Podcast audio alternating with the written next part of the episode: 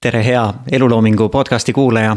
täna lähme mõnusa loomingulainele, sest mul on siin külas üks äh, kirjanik, loominguline kirjanik, keda ma panin tähele ühel sündmusel, kui ma läksin äh, lahedale koolipäevale esinema ja minu esinemine oli kuskil seal päeva lõpupoole, aga ma bussis sõites vaatasin, kes veel enne mind kõneleb ja seal oli selline härrasmees nagu Valdur Mikita, kes rääkis, kes kõneles, kellest õhkas sellist äh, rahu kooskõla, kuidagi nagu sellist äh, mingil moel nagu huvitavat ühtsust endaga ümbritsevaga, kellest õhkas kuidagi midagi vahvat, sügavamat taipamist inimesest, loodusest ja loovusest. ja see tekitas mul sellise mõttetunde, et ühel päeval on tarvis Valdur saada eluloomingu podcast'i. täna ta ka siin on. tere, Valdur.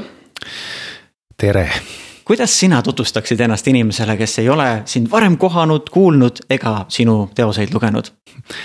ja ma pean tunnistama, et äh, ma ei ole mitte kunagi elus osanud sellele küsimusele vastata. Ja ma peaaegu olen isegi loobunud sellele vastamast. Ja mul läks tükk aega aega, enne kui ma aru sain, miks ma ei taha sellele vastata, sellepärast et äh, ma ilmselt kuulun nende inimeste hulka, kellele iseenda jaoks meeldibki jääda hämaraks. ma ei ole kunagi päris kindlalt teadnud, kes ma olen, mis ma siin maailmas teen, kuhu ma lähen. Äh, mis on elu mõte, äh, noh, mingil määral loomulikult ma mõtlen nende asjade üle aga mulle meeldib selline metsik ruum, äh, selline elu tähenduse ja tähendusetuse piiri peal. et ühesõnaga noh, kõik sellised tavapärased vastused, et ma olen näiteks kirjanik, ma kohe nagu välistaks mm. -hmm. kirjanik ma olen ilmselt sellepärast, et äh, ma olen aru saanud, et mis on kirjanduse fenomen. vaat kirjandus võtab vastu kõik eksinud inimesed, kes päris täpselt ei tea, mis asi see maailm on mida nad siin maailmas teevad kes noh, ütleme jutumärkides võib-olla isegi vihkavad kirjandust, vaatavad sellele üleolevalt. aga kuna see kirjanduse ruum on nii suur, siis ta võtab kõik erandid suurepäraselt niimoodi oma sülle. ja ma tean, et noh, Jaan Kaplinski on ka norinud selle küsimuse kallal, kui tema käest küsitakse, et, et kes ta on ta on ausalt öelnud, et mida vanemaks ta saab, seda vähem ta oskab sellele vastata. nii et kui juba sellised suured geeniused on noh, sellise vastuse andnud, et, et nad ei tea, siis ma hea meelega jääksingi selle juurde vahva, sest eh, kui aus olla, siis ma ka tunnen, et väga raske on piiritleda ennast mingi rolli või sõnaga. sest noh, kui ütleme, kirjanik tekib inimesel mingi kujutelm nagu pähe, aga kas see kõike piiritleb? mul tekkis sind kuulates selline nagu tähelepanek või küsimus kas just see, et sa lubad enda ellu seda teadmatust või, või sellist metsikust, võib olla üks põhjustest, mis, miks sinust õhkab sellist rahu? Jaa, huvitav tähelepanek, ma ei ole selles ähm, äh, fookuses iseenda üle mõelnud, aga äh, vist küll tunnistan seda, et äh, selline teadlik äralibisemine ja, ja noh, ütleme sellise noh, tavapäraste struktuuridest põgenemine ja, ja noh, üldse sellise tavapärase tähenduse ümberlükkamine on mulle kuidagi sisemiselt omane. et ma ilmselt kuulun nende inimeste hulka, noh, mõned on sellised, kes loomulikult ka mina ehitan noh, aeg-ajalt mingit sellist mõttesüsteemi, millest peaks saama selline mingi harmooniline tervik, ma liigun selle poole, katsun oma elus noh, mingeid asju teha. et lõpuks see majakene nagu valmis saada ja kui ma selle viimase korstnakivi olen sinna paika pannud siis ma teen nagu väike laps, et ma lükkan selle maja ümber. ja tunnen nagu tohutut rõõmu, et ma saan hakata ehitama uut maja. et see tundub nagu äge, selline põnev elamise viis mis muidugi ei tähenda seda, et sa täiesti niimoodi silmad kinni elus kulgeksid lihtsalt kuidagi elu laineharjal, vaatad, mida elu toob. aga midagi selles on, ja võib-olla selline, ütleme noh, selline mõnus elamise vorm või see mudel on minu jaoks seenelkäik mm. -hmm. sa kunagi ei tea, kas sa seeni saad, kus nad kasvavad, kas sa võid ära eksida, vot seenel käimisel on alati suur oht, et et sa ei tea, millise kuuse taga see, see puravik kasvab ja lihtsalt sul tekib nii suur hasart, et sa lõpuks nagu kaodki ära. nii et noh, marjal korjamine, marja korjamine on, on oluliselt ähm, turvalisem aga mis sealt nagu välja tuleb, mis meil elus ilmselt puudu on, on selline mõnus sihipäratu otsing, et me peaksime rohkem selliseid tegevusi endale lubama. kus nagu eesmärk justkui on. aga samas me teame ka, et kui me tuleme tühja seenekorviga tagasi, meie hing ikka hüppab rõõmust et me teeme seal metsas ilmselt midagi muud väga olulist. kuidas seda silda võiks tuua, see metsaanaloogia selles mõttes on vahva, et ma ei lähe sinna kindla eesmärgiga, ma pean X arv seeni kätte saama. vaid ma luban nagu nautida, avastada, mis võiks selline nagu äh, arginäide sinna metsaanaloogiale kõrvale olla? Äh, noh, alustame pisut kaugemalt ja ma arvan, et Äh, mida on inimestel tänapäevases maailmas kindlasti rohkem vaja või millest neil on puudus, on sellised äh, noh, mõnusad otsingulised tegevused mm. -hmm. ma kardan, et üpris paljud inimesed on mingil hetkel nagu taibanud või aru saanud, et, et me elame ühes sellises päris suures sellises lõksus. et juba lasteaias me omandame kuskilt sellise mõtteviisi, et inimese elul peaks olema eesmärk kuidas see lasteaiast tuleb, me joonistame pilte, kelleks me tahame saada, arutame oma tuleviku üle äh, noh, samas tundub üsna kummaline, et ütleme, viieaastane laps võiks mõelda, et temast saab kunagi molekulaarbioloog, kes uurib ühte pisikest äädikakärbse geeni. Äh, aga noh, terve, terve jah, selline haridussüsteem nagu nügib meid selles suunas, et mis on inimese elu mõte, see on see, kui tal on kindel eesmärk ja teab, ta teab, kuidas selle poole minna osaliselt ka mina nõustun sellega, aga samas ma näen ka enda ümber väga paljusid inimesi, kes on sellist elumudelit elades kuskil võib-olla noh, kolmekümne, neljakümne, viiekümne aastaselt siiski mingil põhjusel väga õnnetud. ja ma arvan ja ma kahtlustan, et see on selles, et just selline mõnus sihipäratu otsing mm, -hmm. et sinu elu pakub võimaluse hüpata kõrvale sellelt elurajalt, kus sa tegelikult oled võib-olla kümme, kakskümmend aastat käinud. ja on need inimesed, kes on mingil põhjusel seda oma elus suutnud teha. ma arvan, väga paljusid me tegelikult salaja imetleme, et neil on seda elujulgust hüpata kusagile täiesti tundmatusse kohta ja ma täitsa usun, tuleb meelde üks selline suur uuring, et kui noh, vanade inimeste käest küsiti, mis on nende õnnesaladus siis muidugi üks vastus, mida me teame juba ette, on see, et äh, neil on olnud kas sõber, elukaaslane, noh, väga hea selline punt, kellega mm -hmm. läbi elu nagu minna. aga teine, mis sealt välja tuli, oli see, et neil on piisavalt elujulgust võtta vastu väljakutseid, millega nad mitte alati ei ole väga hästi hakkama saanud. et need on inimesed, kes tõmbavad oma näpud sahtli vahele, karjuvad ai aga siis tunnevad, et oi kui vajalik kogemus oli ja ühesõnaga lihtsalt no ütleme siis nii, et parim osa inimesest tuleb välja siis, kui ta on vastu seina surutud. ehk siis, kui ta on nagu keerulises olukorras väljaspoolt või, või kui ta tunneb, et ta ise on jooksnud sinna ummikusse? Äh, võib-olla ma ütleks pigem nii, et noh, kui me vaatame väikseid lapsi, siis äh, nemad kogu aeg ebaõnnestuvad mm, -hmm. aga mis on nende fenomen? Nad ei jää sellesse kinni, nad unustavad selle minutitega. Ja võib-olla on need inimesed, äh, kes oskavad endale elu jooksul pakkuda mitut lapsepõlve, et hakata pihta sealt, kus neil ei ole kogemusi, kus neil ei ole oskusi, aga neil on nagu tohutu tahtmine midagi avastada, midagi teha, noh, nii nagu lapsed nagu teevad.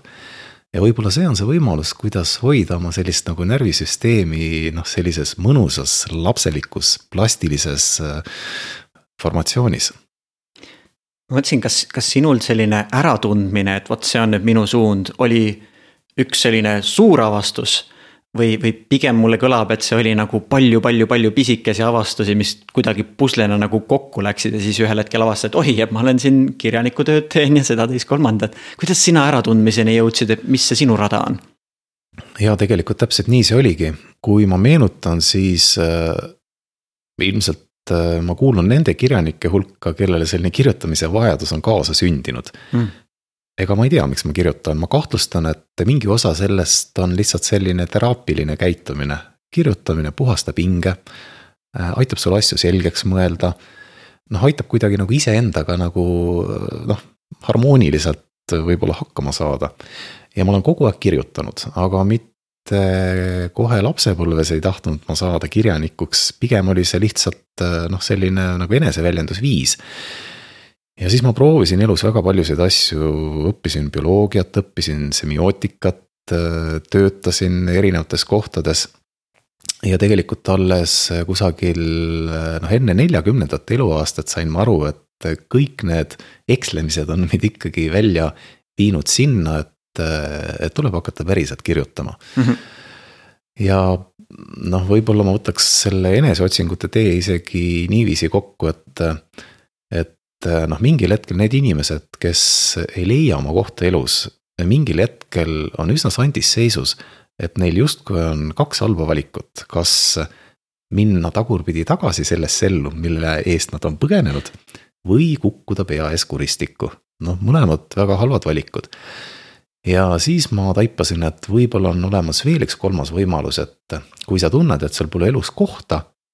siis tuleb ise see maailm luua, kus sul oleks koht ehk siis ma olen kasutanud seda võrdlust, et võtad sellise ilusa Äh, sellise nagu seebimulli puhuja ja puhud selle ilusa seebimulli lihtsalt enda seest välja.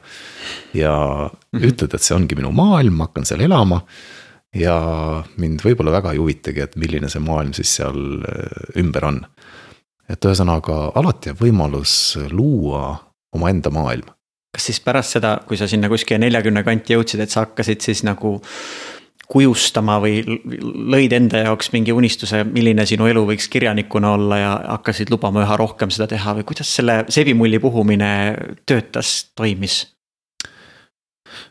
no sellist ettekujutust, mida see kirjaniku elu on, mul kindlasti ei olnud, aga kõige tähtsam on see, et äh, mul tekkis piisavalt elujulgust olla kirjanik, lihtsalt. elujulgust, jah? jah, et mhm. lihtsalt tõmmata juhe seinast välja ja olla kirjanik mm., väga lihtne asi. aga selleks, et aru saada, et see on just see, mida ma pean tegema, kulus aastakümneid mm. -hmm. et jah, ma arvan, et seesama sõna, see elujulgus, ükskõik mida inimene teeb, seda peaks olema piisavalt noh, ma arvan, et võib-olla inimesed ka kusagil vanemas eas, mida nad kipuvad kõige rohkem kahetsema, on see, et neil ei olnud piisavalt julgust proovida midagi, mida nad tegelikult oleksid tahtnud mm. -hmm. et see on nagu väga kurb tunne. ma arvan, palju parem tunne on see, et kui sul on piisavalt elujulgust, sa proovid midagi ja ebaõnnestud, aga siis sa vähemalt said teada. ja sa oled äh, selle üle õnnelik, et sul oli ikkagi piisavalt energiat, piisavalt julgust, et teha midagi teistmoodi mis olid mõned need hirmud, mis su kuklas tiksusid, kui sellele elustiili vahetusele mõtlesid, mis kiskusid eh, vanale teele tagasi? no ma arvan ikkagi sellised universaalsed asjad, et eh, noh, üldse kui me vaatame eh, Eestit laiemalt, siis Eesti on teatud asjade poolest erakordselt hea koht, kus elada. aga siin on mõned kohad, kus me peame ka pisut lõivu maksma ja üks on kindlasti see, et, et see Eesti noh, ühiskond või ühiskondlik mõte on äh, kujunenud selles suunas, et inimesi surutakse olema sellised, ütleme siis jutumärkides Harju keskmised.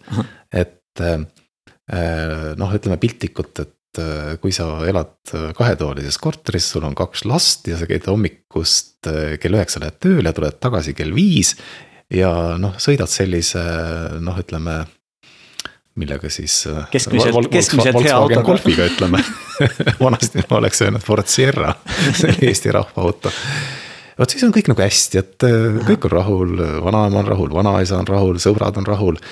aga nii, kui sa hakkad kusagil hälbima mingisugust äh, noh, väga sellist oma rada ajama, et et tahad näiteks võib-olla ülikoolist aastaks pausi võtta, juba hakkab mingi mehhanism sind tagasi suruma, et ei, et mõtle ikka järele, et et tuleks ikka teha nii, nagu enamik inimesi teeb.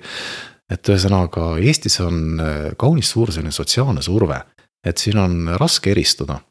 ja ma arvan, et äh, see on üsna paljude äh, noh, loovat elu elavate inimeste mure, et, et lihtsalt noh, ühiskond väga ei soosi seda mm. -hmm. ütleme seda, seda elujulgust peab olema nagu piisavalt palju, et sellest süsteemist välja murda. kas see sinu jaoks on mm, kirjanikuna mingil moel piirab ka mõte, kui sa väljendad ennast hästi tugeva oh,. ma kuulajatele vahemärkusena, et äh, paar tuntumat raamatut, mis äh, Valduri sulest on ilmunud, on Metsik lingvistika, lingvistiline mets. ja lindvistika ehk metsase lingvistika ja mis nendele raamatutele on omane, on selline erakordne sõnadega mäng ja, ja mida inimesed täheldavad justkui nagu tänu nendele metafooridele, sõnamängudele, selline kihilisus sealjuures.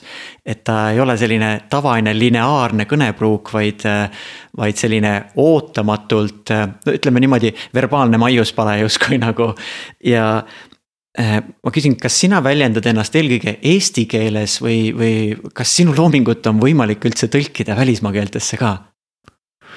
Noh, eks seda on püütud teha ja noh, Soomes on nüüd kõige rohkem ilmunud jah, ütleme kaks raamatut ja, ja mõnikord artikleid ka peale selle. aga äh, ma küll kahtlustan, et ma olen üsna selline Eesti-keskne mõtleja. et äh, muidugi tõlk kirjanduse puhul väga palju ikkagi taandub tõlkijale, kui on hea tõlkija, siis äh, saab ka väga-väga Eesti-kesksest asjast teha näiteks väga-väga Soome-keskse või Rootsi-keskse või ükskõik mis keskse asja. Äh, ta on ikka huvitav, aga, aga selliseid tõlkeid võib-olla jah, kahjuks maailmas ka ei ole üle, ülemäära palju. aga miks ma olen nende Eesti asjade juurde jäänud, äh, noh, mul on olnud kogu aeg selline tunne, et mida kiiremini maailm muutub ja mida kiiremini inimesed muutuvad. Äh, me siiski peame tunnistama, et sellel on üks suur oht, et me kõik muutume väga kiiresti üle maailma järjest sarnasemaks ja sarnasemaks mm. -hmm noh, kõik asjad suruvad meid selles suunas, me vaatame telekast ühesuguseid programme, vaatame ühtemoodi Netflixi, kõigil on käes ühesugused nutitelefonid. mille kõige suurem häda ilmselt ongi vähemalt täiskasvanud inimeste jaoks on see, et nad muudavad meid kõiki sarnasemaks, me mm. hakkame tahtma sarnaseid asju, vaatame sarnaseid reklaame ja nii edasi. ja vot, kuidas eristuda? eestlase jaoks on kõige lihtsam fännata Eesti kultuuri, sest see tõesti on, Eesti kultuur on heas mõttes anomaalia. me ilmselt ei jõua sellest täna väga palju rääkida, aga noh, kevad on tulemas, noh, me teame, et kui me näeme esimest liblikat, mida see eestlaseks tähendab, me ennustame suve, kuulame käo kukkumist, eks ole, loeme siis eluaastaid kokku ühesõnaga, siin on kõik, terve see Eesti on täis selliseid kummalisi kiiksuga asju. noh, üks hullemaid, mis mul ikka meelde tuleb, et kui vanaema vahetas voodipesu, et siis vot voodilina peal on üks laiem palistus ja peenem palistus, et kui sa nüüd ära vahetasid, et panid laiema palistuse jalgade juurde, siis võis midagi väga halba juhtuda, vähemalt sinu unega, kui mitte muidu. et noh, mingeid väga selliseid kummalisi asju, mille läbi me tunneme, kogeme ennast eestlasena ja, ja fänname kogu seda Eesti kultuuri. et ühesõnaga, et Eesti peaks olema nagu selline jalgpalliklubi, mida, mida kogu aeg fännatakse. et vot, kui jalgpalliklubil puudub see kaasaelajate ring, siis see kukub lihtsalt kokku. ja riigid paratamatult muutuvad natukene jalgpalliklubide sarnaseks, et et kõige tähtsam on see, et, et oleks neid, kes kannaksid seda salli ja mütsi ja kisaksid õigel ajal, et see on väga lahe, mis te teete ja kes äh, tahab seda kõike kogeda, siis kui paned äh, otsingusse sisse Youtube'is taskuhäälingutes Valdur Mikita nime, siis äh, leiad ka TEDx kõnesid ja muid. ja mis on kõige vahvam selle juures on, mis sa teed, on sa nagu annad võimaluse eestlale, eestlasele tunda ennast erilisena ja sa nagu segad kokku mingeid väga huvitavaid selliseid erinevaid seoseid, mis siis tekitavad hästi unikaalse tunde eestlasel oma rahvusega, oma eripäraga. ja mis mõnes mõttes siis selle kaudu ülendab teda, et see on mingi kogemus, mida on keeruline kirjeldada. aga see ongi see, miks tasub vaadata eh, sinu kirjatöid ja sinu sõnavõtte, eh, kuidas sa näitlikustad, et see on vähemalt see tunne, mida ma ise kogesin neid, neid lugedes, vaadates, kogedes ja täitsa tõsi, noh ilmselt on ka igal kirjanikul oma selline noh, kuidas öelda, signatuur või mingisugune loomealgoritm. noh, mida nad küll sageli ei tunnista, sest nad tahavad olla täiesti vabad sellest, aga. aga lõpuks ikkagi ilmselt mingid asjad on, mida me järjest kordame ja kordame ja kordame ja mis annabki meile võib-olla selle jõuõla ja jah, minu loomingu puhul ilmselt üks on see, et ma otsin sel-, selliseid hästi selliseid kummalisi perifeerseid kogemusi siit, kas Eesti loodusest, metsast, keelest. või kultuurist ja üritan siis need siduda mingisuguse sellise nagu üldinimliku teadmisega et võtan ühe noh, skaala erinevatest otstest ja kombineerin need kokku.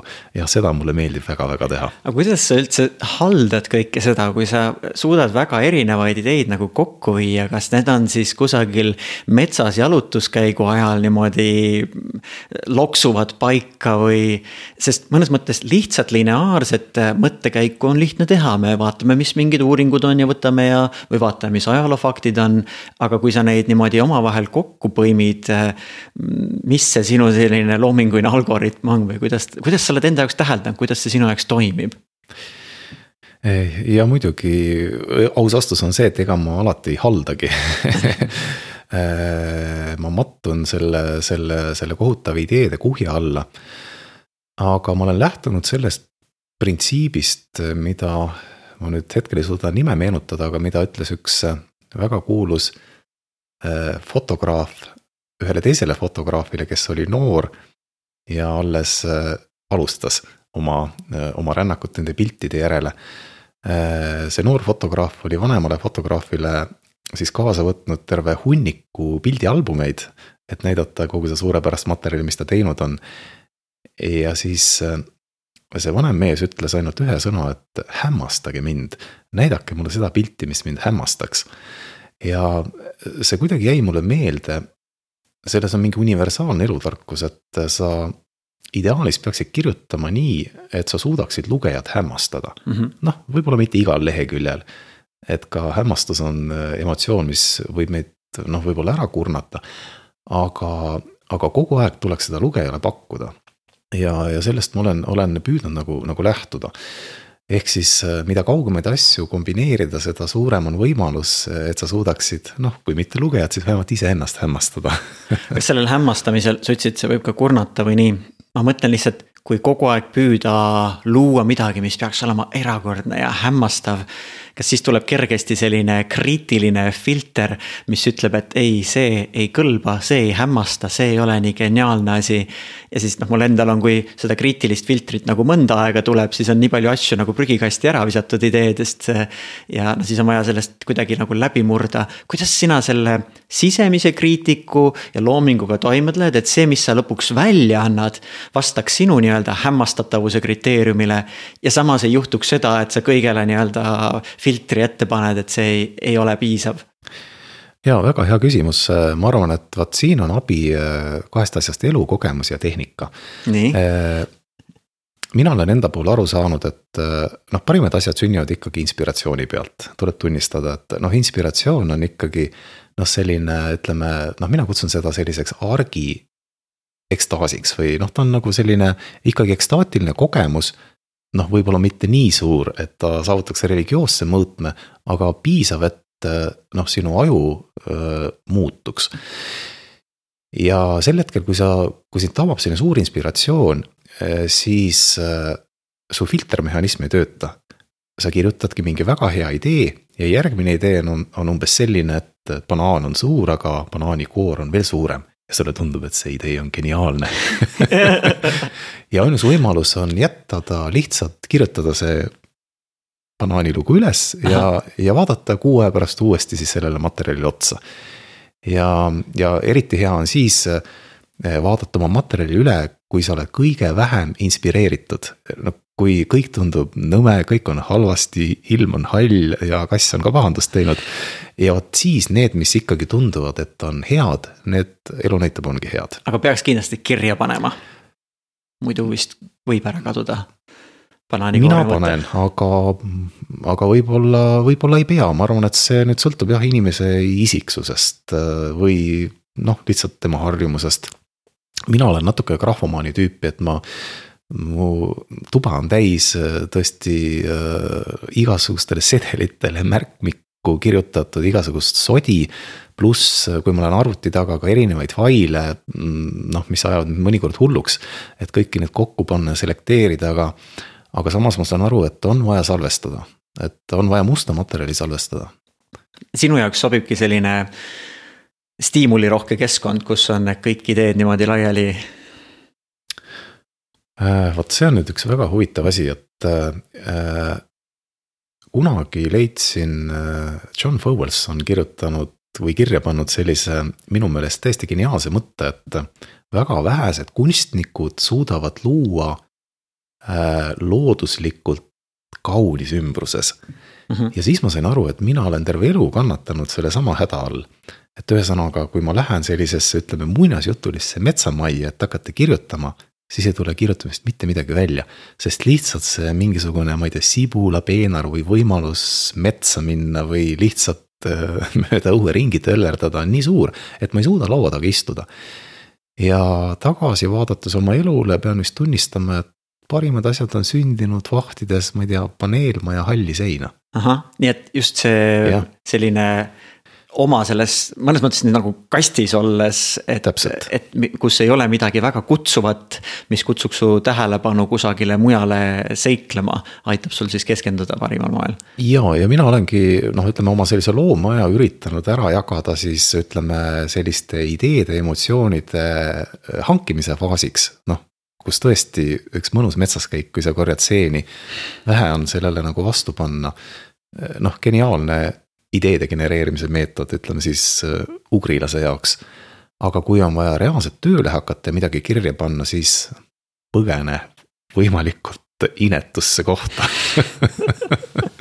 ja see on siis, kui sul on raamatu tähtaeg lähedal, lähed kuskile. just, et, äh, et lihtsalt äh, noh see on eestlaste häda, et nad on kõik sellised nagu, nagu ikkagi nagu loodushullud, et kui juba akna taga noh, mingisugune, eriti kui kevad hakkab tulema, sa näed, et mingi oksel läheb hiire kõrva. ja, ja juba linnud siristavad, et noh, ei, ei saa istuda. tahaks pigem minna ja, välja just, seda kogema. nii et kardinad ette ja tööle hakkasin korraks mõtlema, kas selle kogemisega on see, et raske on äh, samaaegselt äh, täiega kogeda ja samaaegselt töötada enda selle loomingu loomise kallal, need on võib-olla kaks erinevat mehhanismi. ja kui meil on nii palju, mida me iluna kogeme, me oleme nagu, meie, meie taju on kõik täidetud sellega. et sinna ei mahu nagu seda ruumi, et ma nüüd kuidagi asjalikult panen need sõnadena kirja, kas see võib olla lihtsalt äh, kaks sellist väga tugevalt erinevat protsessi mis, mis sada protsenti tõmbavad endast, sada protsenti töö, sada protsenti ilu kogemine ja see on sul tegelikult väga lihtsalt hästi kokku võetud, et ilmselt minu puhul see täpselt nii töötabki. et ma noh, natukene olen selline võib-olla kaldun ka sellisesse nagu äh, bipolaarsesse olemisviisi, et on hetked, kus mul on hästi palju energiat, äh, ma magan vähe, töötan palju, olen selline natuke maniakaalne. ja siis noh, mingid elufaasid, kus ma olen nagu suhteliselt passiivne, ma võib-olla väga ei taha suhelda. tunnen, et noh, energiat ei ole ka ülemäära palju. ja mõlemas faasis saad sa midagi teha mm. -hmm aga see on selline lõputu enese tundmaõppimise tee, et, et kui sa, kui sa ära tabad, et, et noh, igal mündil on äh, kaks poolt, siis tegelikult kõik, mis elus juhtub või kuidas sa ennast tunned, läheb, läheb nagu käiku loomingusse. Nii et see madalseis võib sünnitada mingit, kas siis äh, ängist või vihast mingeid uusi ideid ja, ja kas sina pigem nagu ei hakka sellega võitlema, et oi, ma olen siin mingis madalseisus mõnda aega olnud, et ma nüüd pean siit välja saama. või millal sa tunned, et nüüd aitab sellest madalseisust? no seda on minust targemadki inimesed juba ammu aegu öelnud, et kõige parem looming sünnib siis, kui looja tõmmatakse läbi kõige pimedama koopa. et et. Ähm, et pigem peaks siis veel intensiivsemaks tõmbama, kui oled tumedas kohas. noh, seda ka ei taha, samas on ju ka palju neid äh, näiteid, kuidas, äh, kuidas tõesti ka sellistest noh, väga ütleme headest aegadest sünnib äh, head kunsti. ja samamoodi me ütleme, et täpselt sama palju head kunsti sünnib ka väga halbadest aegadest. et vot see on see noh, inimese fenomen. kas tema elus läheb hästi või, või läheb tema elus halvasti. kui sa oled andekas geniaalselt andekas, siis, eh, siis, siis kõigest võib saada suur kunst. ja noh, vot, vot see on üks jah, suuremaid asju, mille üle imestada, et, et, et noh, kuidas on inimese sisse pandud selline filter, et, et ta, et ta suudab luua absoluutselt kõigest. hakkasime selle madalseisuga mõtlema, et äh, nii, vaatame, kuidas see saba korraks niimoodi tuli, et äh, Äh, ma mõtlesin lihtsalt seda, et kas me võiksime vaadata, et kui on hästi, see on ilus, kui on kehva ja selline letargiline olla, ka see on ilus. või, või äkki just peaks nagu selles kehvas hetkes mitte nagu püüdma seda ilustada, mitte püüdma mõelda, et küll see varsti läbi saab, vaid olemagi nagu sügavuti selles tundes sees, sest muidu me nagu mõttega oleme seal tulevikus, kus on parem, aga jätame kogemata selle põhja, mis võib tuua meile seda sügavust, mingit arusaama, mingit empaatiat. võib-olla enda lugejate eludest, mis võimaldaks tänu sellele paremini kirjutada. lihtsalt selline tähelepanek, et äkki ei peagi ennast jah, sealt nii-öelda välja lohutama. Äh, ja see on väga õige tähelepanek. Äh, täpselt minu meelest nii see peakski olema, et äh, no võib-olla ei tahaks kasutada sõna depressioon, aga võtame mm -hmm. natukene leebema, et näiteks kui sa oled sellises nukras või melanhoolses meeleolus. kõige halvem mõte on püüda teha midagi, mis teeks sind õnnelikuks mm. -hmm. palju parem mõte on katsuda seda nukrust kuidagi noh, täiega läbi elada. noh, ega need erinevad emotsioonid ja vaimuseisundid ei ole ka inimesele antud niisama, et igaühe külge on kinnitatud mingi väike tarkus ja noh, kes armastab võib-olla lugeda Hiina kirjandust või Hiina luulet, noh kui oluline. kui oluline asi on selline nagu nukrus või nukruse kogemine. et noh, ma olen mõelnud, et selline noh, Euroopas on see kuidagi kaotsi läinud, et, et noh, kõigil peaks olema mingisuguse selline natuke maniakaalse energia ja õnnelikkuse pitser mm. -hmm. Ma kardan, et see on täpselt see, miks inimesed muutuvad järjest õnnetumaks, sest see noh, mingisugune surve olla kogu aeg õnnelik, noh liikuda sinna õnne poole. see, see tegelikult noh, ütleme lagundab ära selle vundamendi, kuidas lõpuks selle õnneni nagu jõuda. et ühesõnaga kindlasti on, ütleme, nukrus üks äh, väga oluline kivi, kuidas ehitada endale seda noh, ütleme seda, seda õnnemajakest või.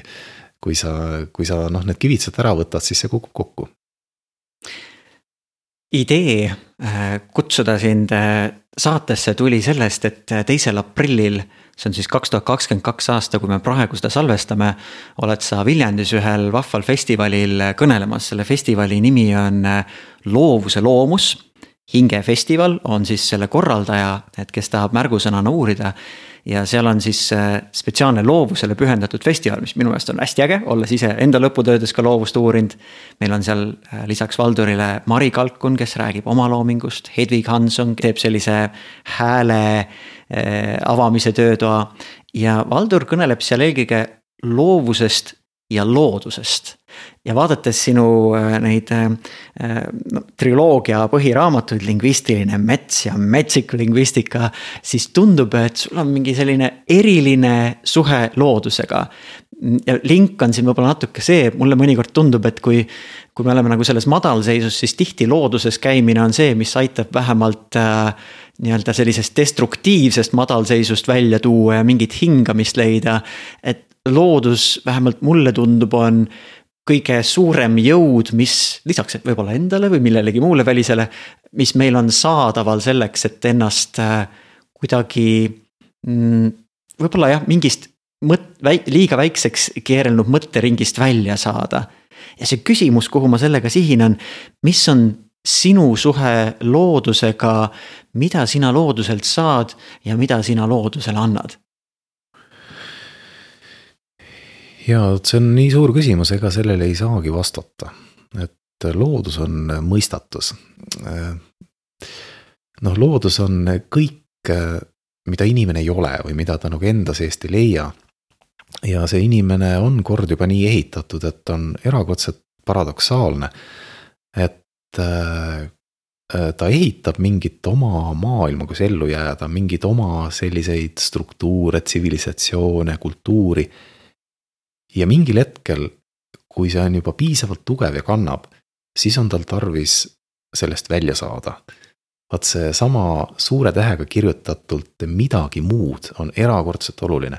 inimene tahab kogeda mingeid teistsuguseid vaimuseisundeid, teistsuguseid emotsioone, teistsuguseid mõtteid.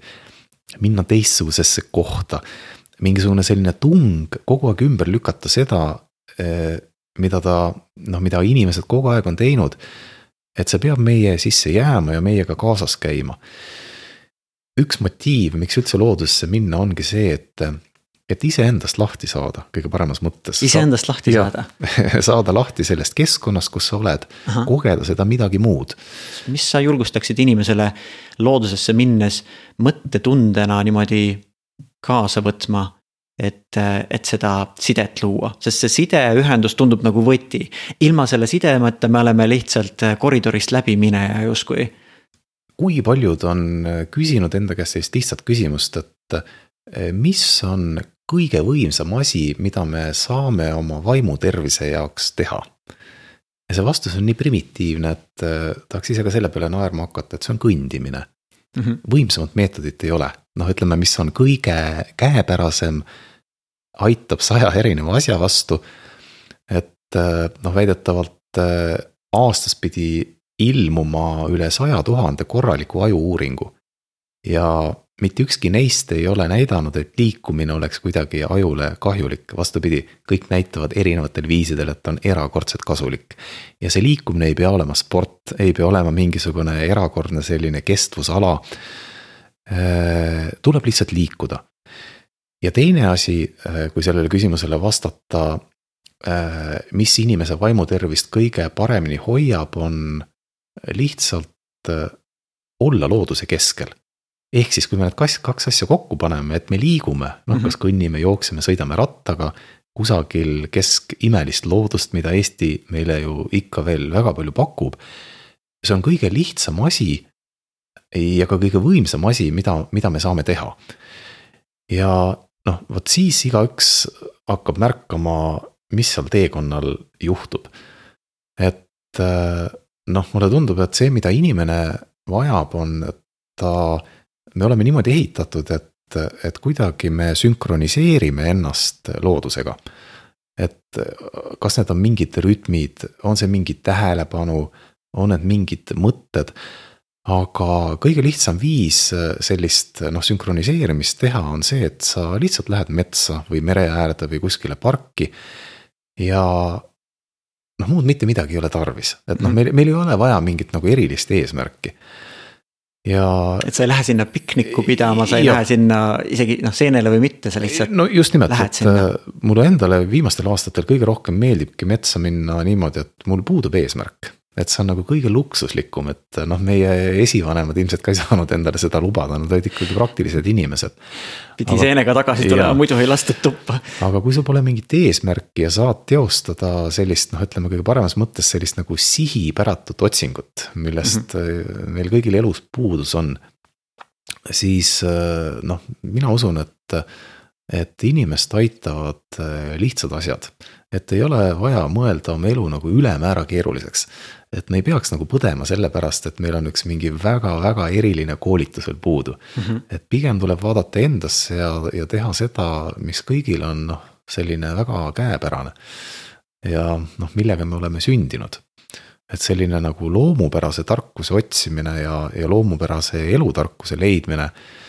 Äh, ma arvan, et see on nagu kõikide inimeste sisse pandud. et see tuleb lihtsalt üles leida mis oleks sul mõni soovitus inimesele, kes on justkui nagu liiga ära harjunud nende paari metsarajaga, kus ta on käinud. mis oleks see moodus, kuidas leida endale uusi radasid, mida väisata, et me võime vaadata võib-olla RMK matkaradasid, kas on veel mõnda sellist head moodust või tähelepanekut, kuidas meie praegune kuulaja, kui ta nüüd tunneb, et nii, nüüd oleks küll aeg väike retk teha, aga võiks leida endale mõne täitsa uue raja kus veidi tallata. ja vot nende metsaradadel käimisega on tegelikult nii nagu lastele muinasjutu lugemisega.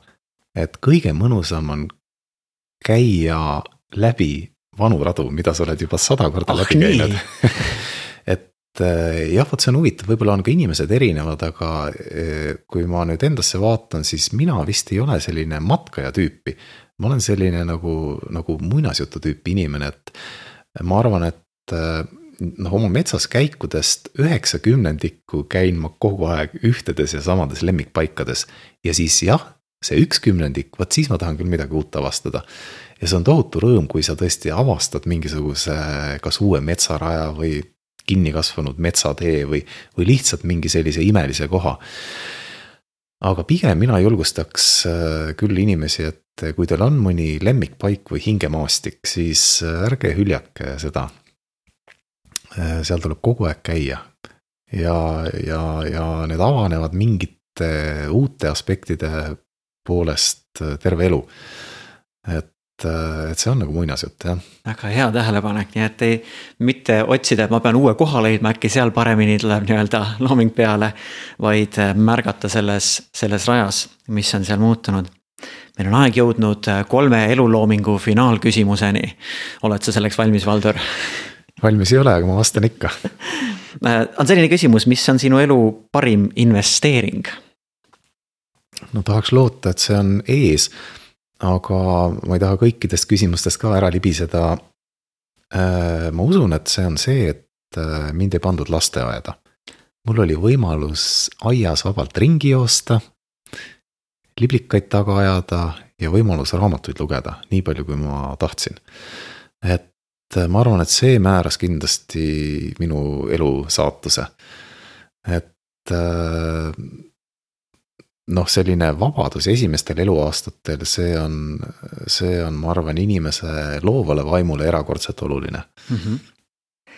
mille poolest sa tahaksid inimestele meelde jääda, kas midagi, mis sa loonud oled või milliseks inimeseks oled saanud, mis võiks jääda kestma?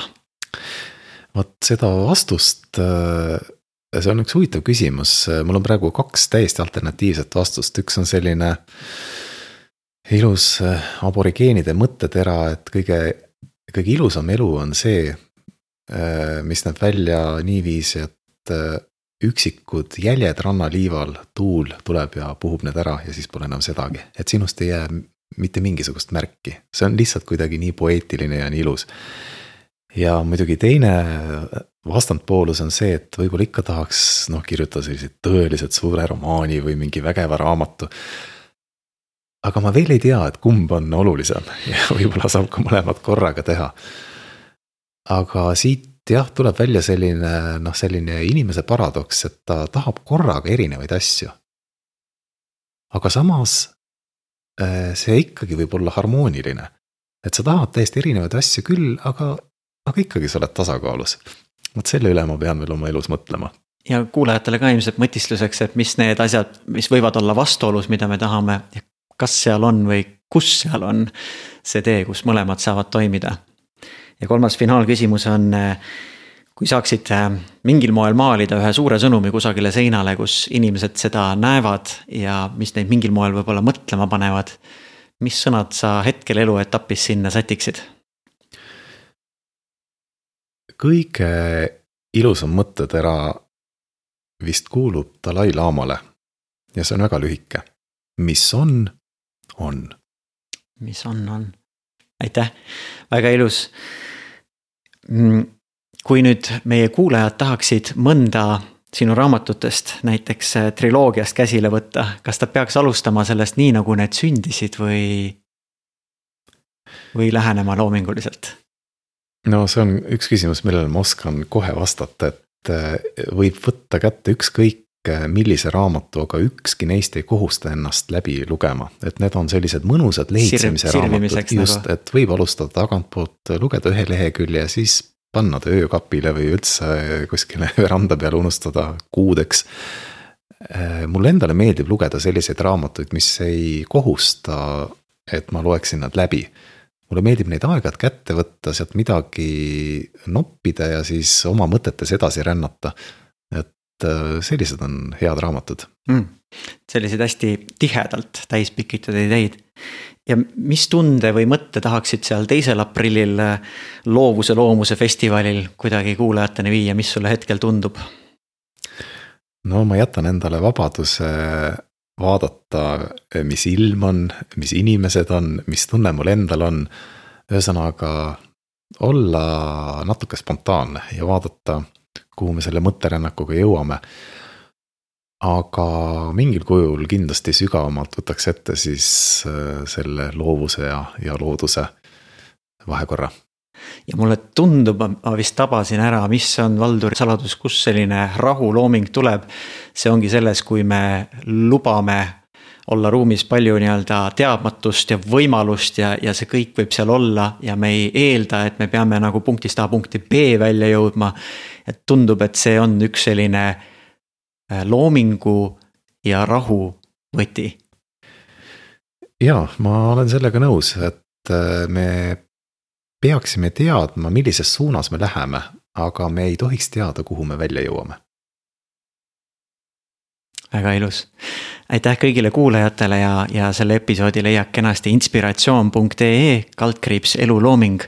saad sealt kenasti selle üles leida ja leida endalt sealt see õige suts, et enda teekonnal mõnusalt luua. aitäh sulle. aitäh